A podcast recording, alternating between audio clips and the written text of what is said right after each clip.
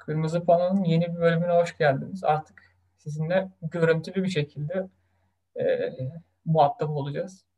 Ama e, podcastlerimiz Spotify'da da halen var. Bunu e, YouTube'a da yüklemek istediğimiz için artık görüntü de gösteriyoruz.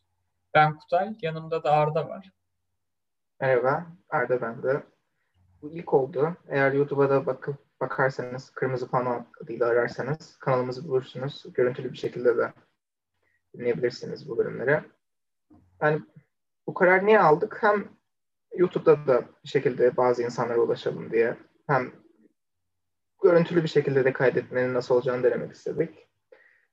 Bu arada Twitter'da da Kırmızı Pano adında hesabımız var. Eğer yaptığımız içeriği seviyorsanız bütün mecralardan bizi takip ederseniz seviniriz.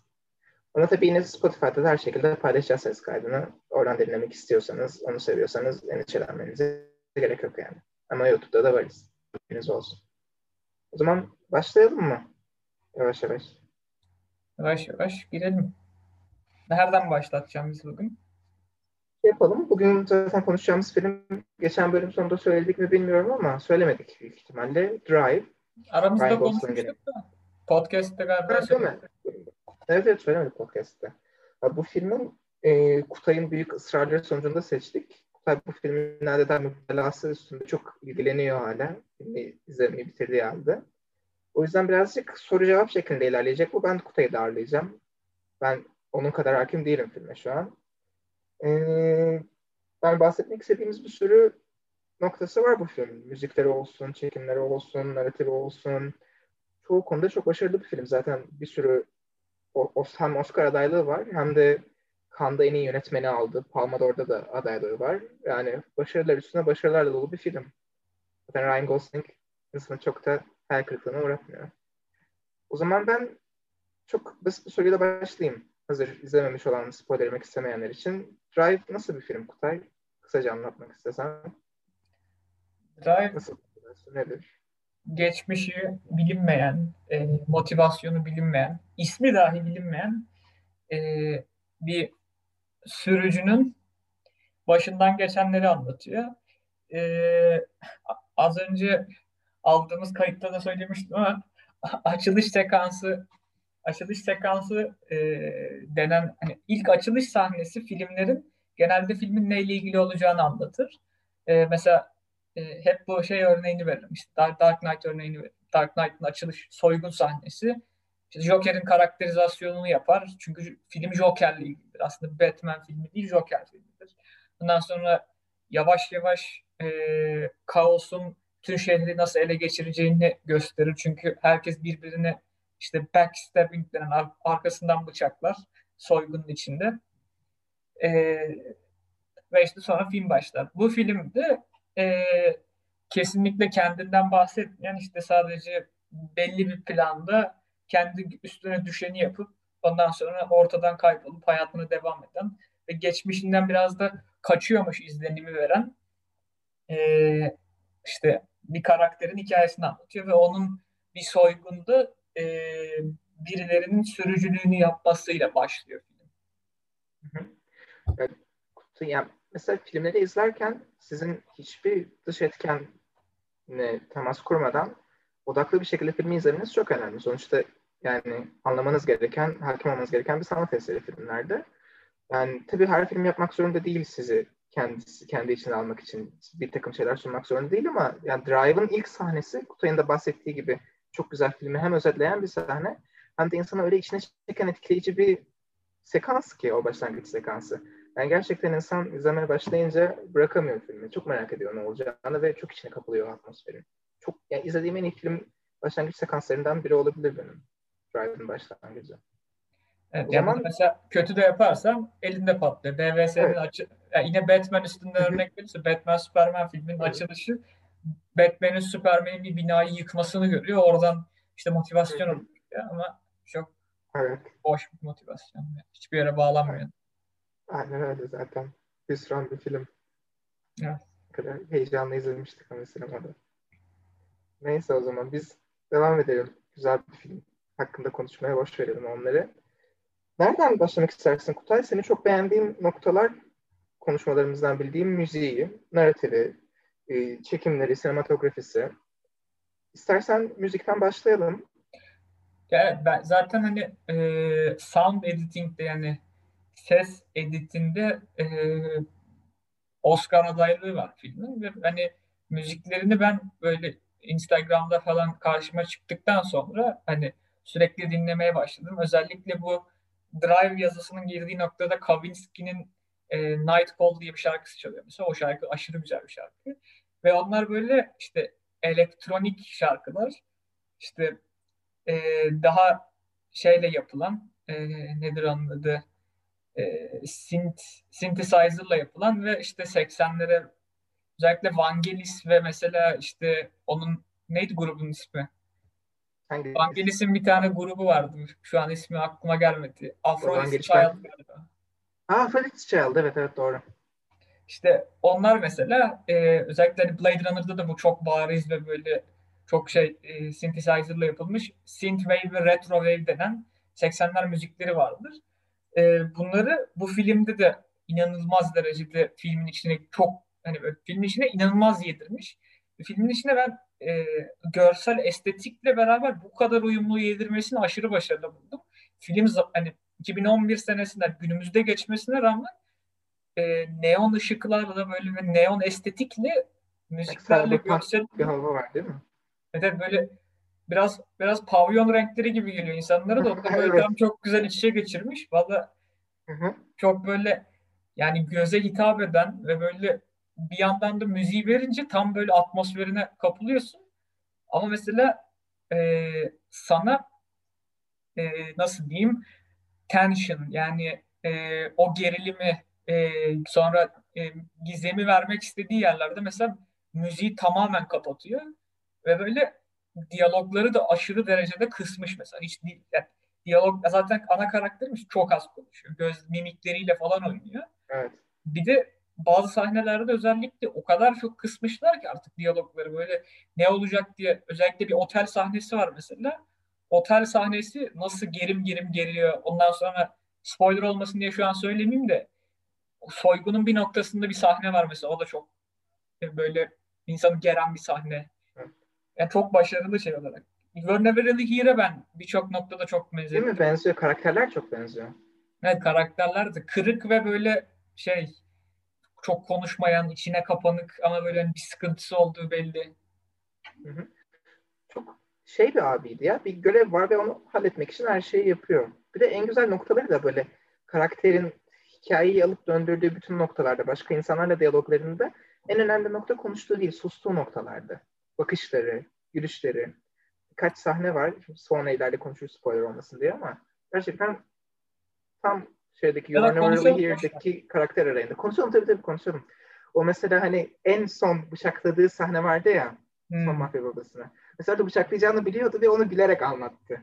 Yemek masasında birbirlerine bakarlarken bu işi yapacağız gibi.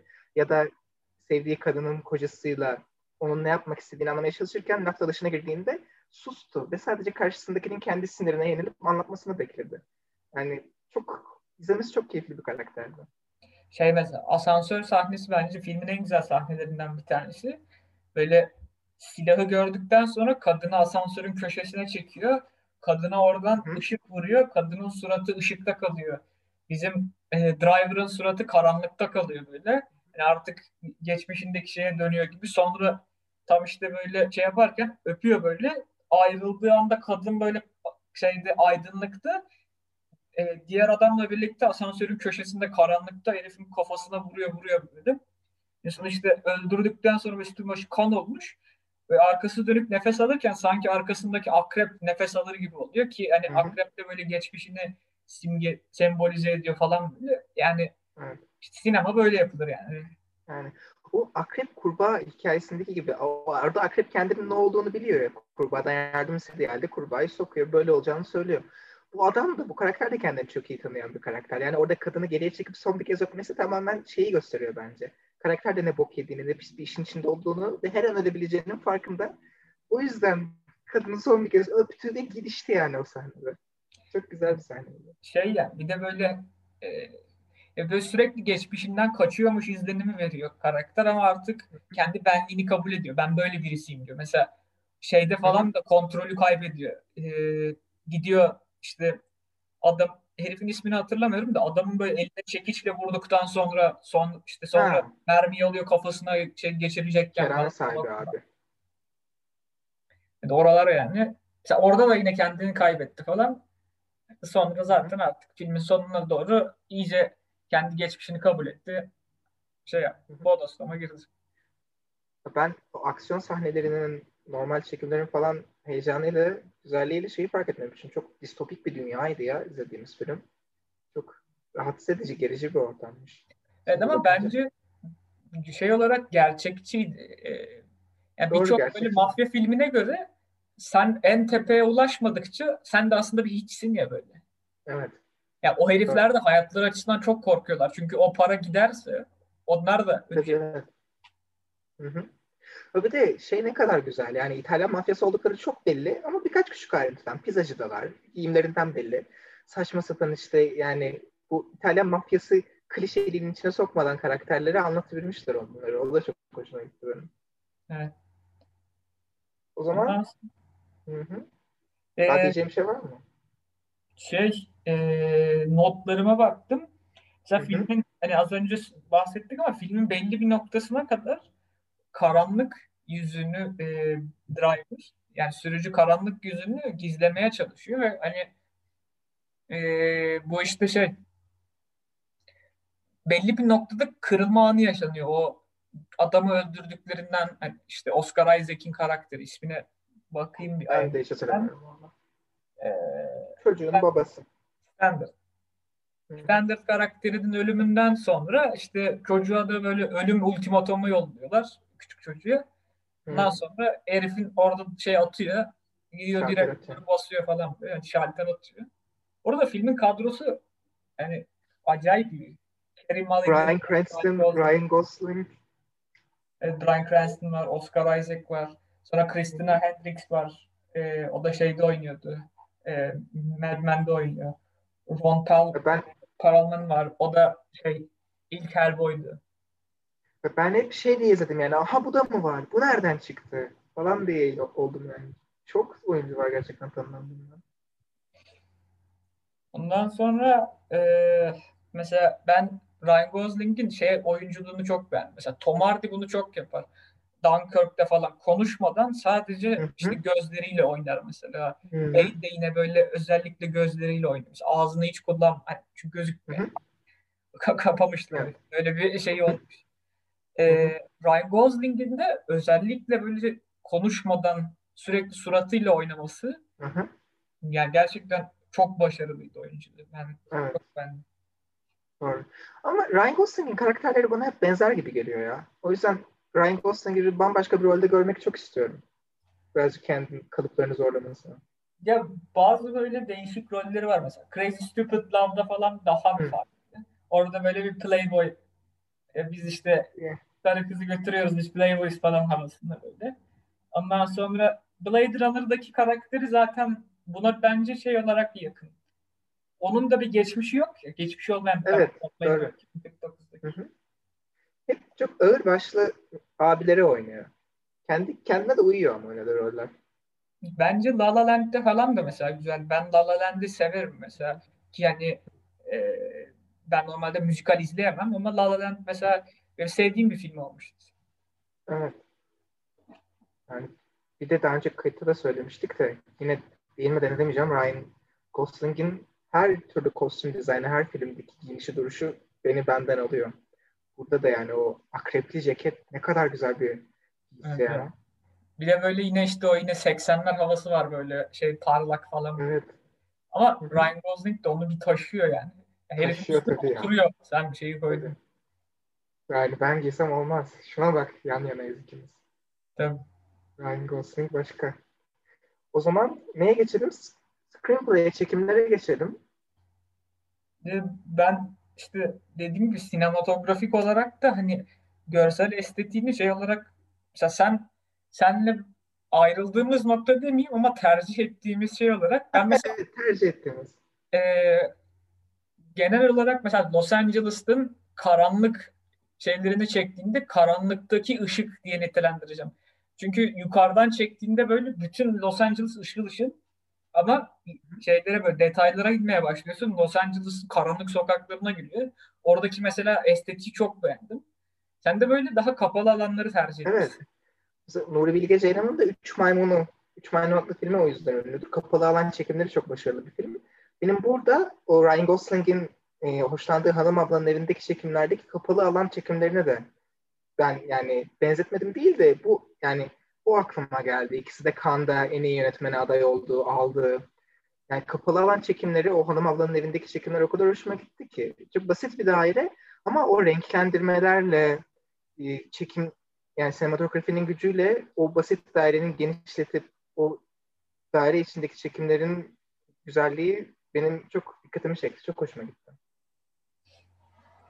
Ondan sonra ben mesela e, yani Nicholas neymiş? Nicholas Winding Refn e, galiba böyle okunuyor. Emin değilim. Danimarkalı bir yönetmen ama e, o, bunun birkaç filmine daha baktım. E, işte Neon Devil falan diye e, hmm. filmleri var mesela.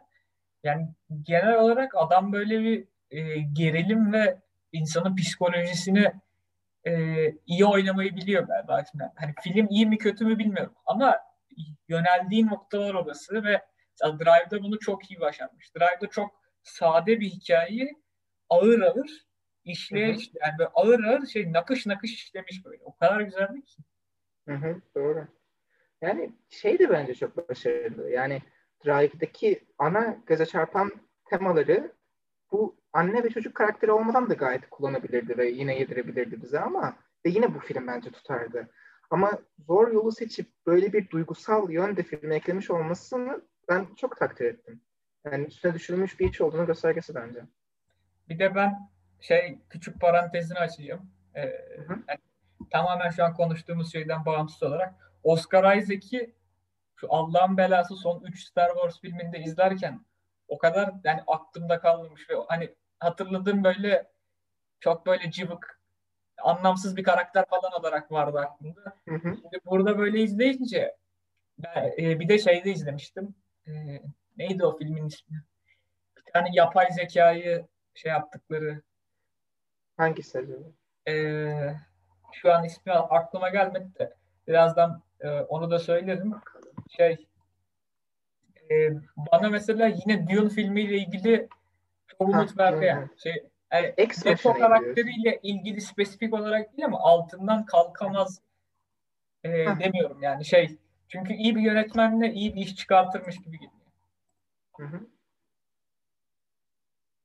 Heh, Ex, yani, Machina, Ex Machina Ex. Evet. Şey de doğru yani. Oyuncu sadece oyuncu değil. Onu alan, onu yönlendiren yönetmen, etrafındaki takım arkadaşları da çok önemli. Ben yani Dune filminde çok mutsuzluğa kapılacağımı düşünmüyorum Oscar Isaac'in oynayışıyla. Yani Danny Villeneuve mutlaka iyi bir şekilde kullanabileceğini anladığımdan Oscar Isaac'i almıştır kastan. Ryan Gosling de o açıdan o kadar şanslı ki. Yani bu filmde ne iyi bir yönetmenle çalışmış. Ondan sonra işte La La Land'de Damien Chazelle'le çalışıyor.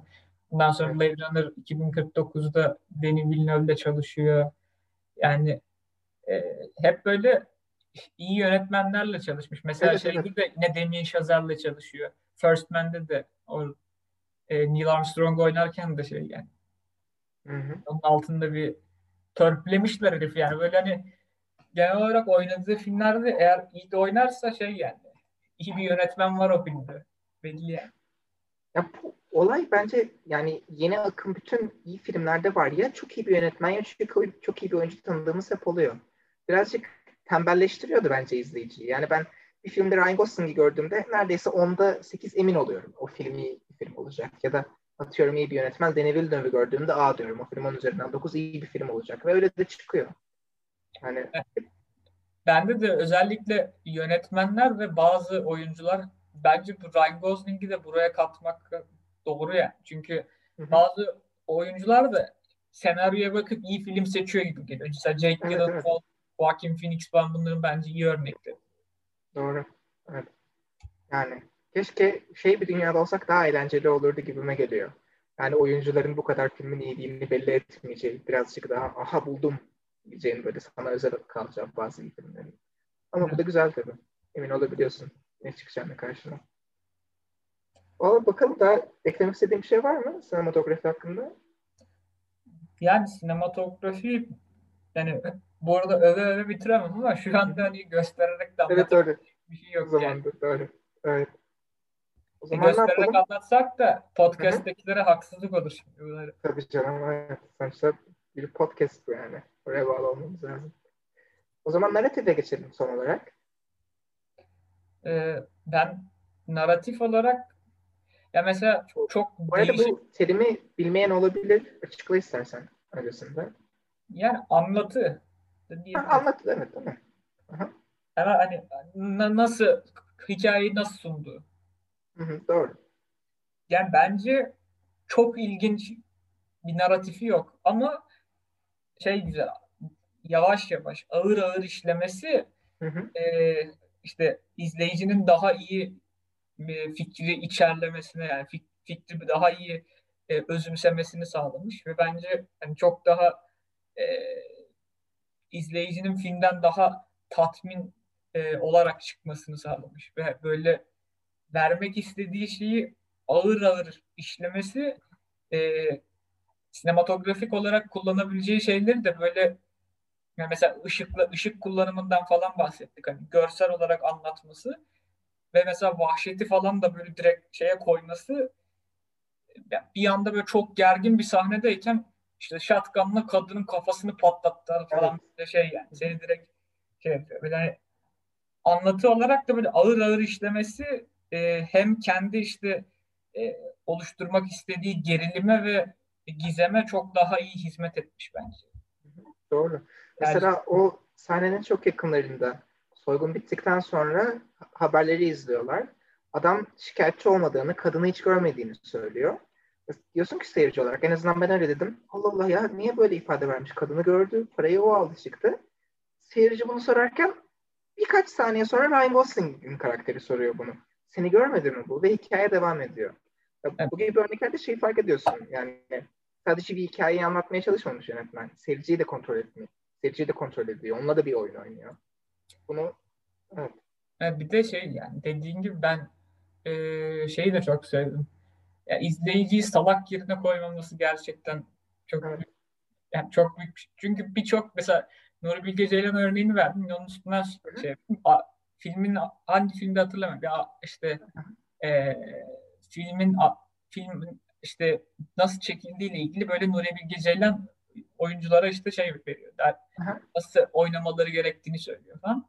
Şimdi sen bu sahnede yalan söylüyorsun. Sen yalan söylerken mesela diyor ki yalan söylediğini belli ederek mi oynamalısın diyor. Niye izleyiciyi salak yerine koyuyorsun diyor. Sen yalan söylerken başka birine gerçek hayatında bunu şey yapmazsın diyor. Ee, bunu belli etmemeye çalışırsın. Çalışmazsın evet. Mesela işte anlatı da sana sürekli görsel olarak bir şeyi gösteriyor. Ama mesela karakter çıkıp da böyle konuşup aa niye böyle olmuş siz bize oyun oynadınız şey yaptınız falan demiyor. Direkt ko- anlıyor konuya giriyor onu sorguya alıyor falan. Evet. Yani bu böyle böyle dokunuşlar filmi izlerken arkadan yönetmenin işi ele aldığını, bu güzel ayrıntıları fark etmek ayrı bir yani kalitesini arttıran bir şey filmin. Evet. Evet. Yani, yani çok keyifli keyifli bir bölümdü benim için ya. Güzel bir filmi güzelce Evet, konuştuğumuzu düşünüyorum ben. Ben en az bunu bir bir defa daha bir de ailemle falan bir izleyeceğim. Değil mi? Evet. Bir, yani bir kez izlemek yetmez yani. Güzel bir film. Keşke bir film. Ee, O zaman benim Ben ek olarak şey demek istiyorum. Geçenlerde Mubi aldım. Mubi'den Hı. Allah razı olsun. Hı. Mubi'den açtım şimdi Ingmar Bergman'ın mesela e, Wild Strawberries'i izledim. E, bir de şeyi getirmişler. Winter Lights diye bir filmi var. Şimdi onu da izleyeceğim. Mubi'den gerçekten Allah razı olsun. Criterion'ın Türkiye'deki eksikliğini kapatıyor. Evet Allah razı olsun. Ben beğendim. harika bir proje benim diyeceğim bir şey yok da yani arkada IT ekibi kimse ben onlara seslenmek istiyorum. Valla bayağı bir süredir belirli platformlarda kullanamıyorum Mubi'yi. Bilgisayarda, akıllı televizyonda. Ne olur şuna bir çözüm bulun. Valla çok üzülüyorum. Çok da sevdiğim Ben de platform. görüntü kalitesinde sıkıntı yaşıyorum arada. Netflix mesela Hı hı. çok uzun süre e, sabit şeyde verebilirken bunu da arada yaşıyorum ama Evet. yani sonuçta bu, bu film kalitesine okeyim yani. Evet. Ama yani sesimiz gidiyorsa orada birine ne olur bu güzel fikri, bu güzel içeriği hayata dönüştürürken arkada hangi ekip varsa birazcık daha dikkat etsinler, çözsünler şu sorunları. Evet. Sen tamam. yavaş yavaş kapıyor musun? Evet kapayalım yani. Benim daha diyeceğim, eklemek isteyeceğim bir şey yok. Senin de yoksa. Ben kapamadan e, şimdi haftaki veya bir sonraki bölümde ne konuşacağımızı söylemeyelim dedik de şey gibi Hı-hı. bir fikrim var. Bu şu an aklıma geldi sana da söyleyeyim.